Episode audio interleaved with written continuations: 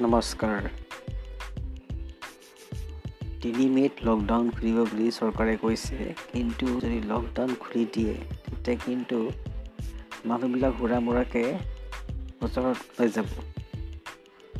আৰু social distance যেতিয়া maintain নহ'ব তেতিয়া কিন্তু কৰোণা লাগি যোৱাৰ চান্স বহুত থাকিব। গতিকে লকডাউন যদি খোলা যায় আপোনালোকে অলপ দূৰত্ব মেইনটেইন কৰি ৰাখিব দেই।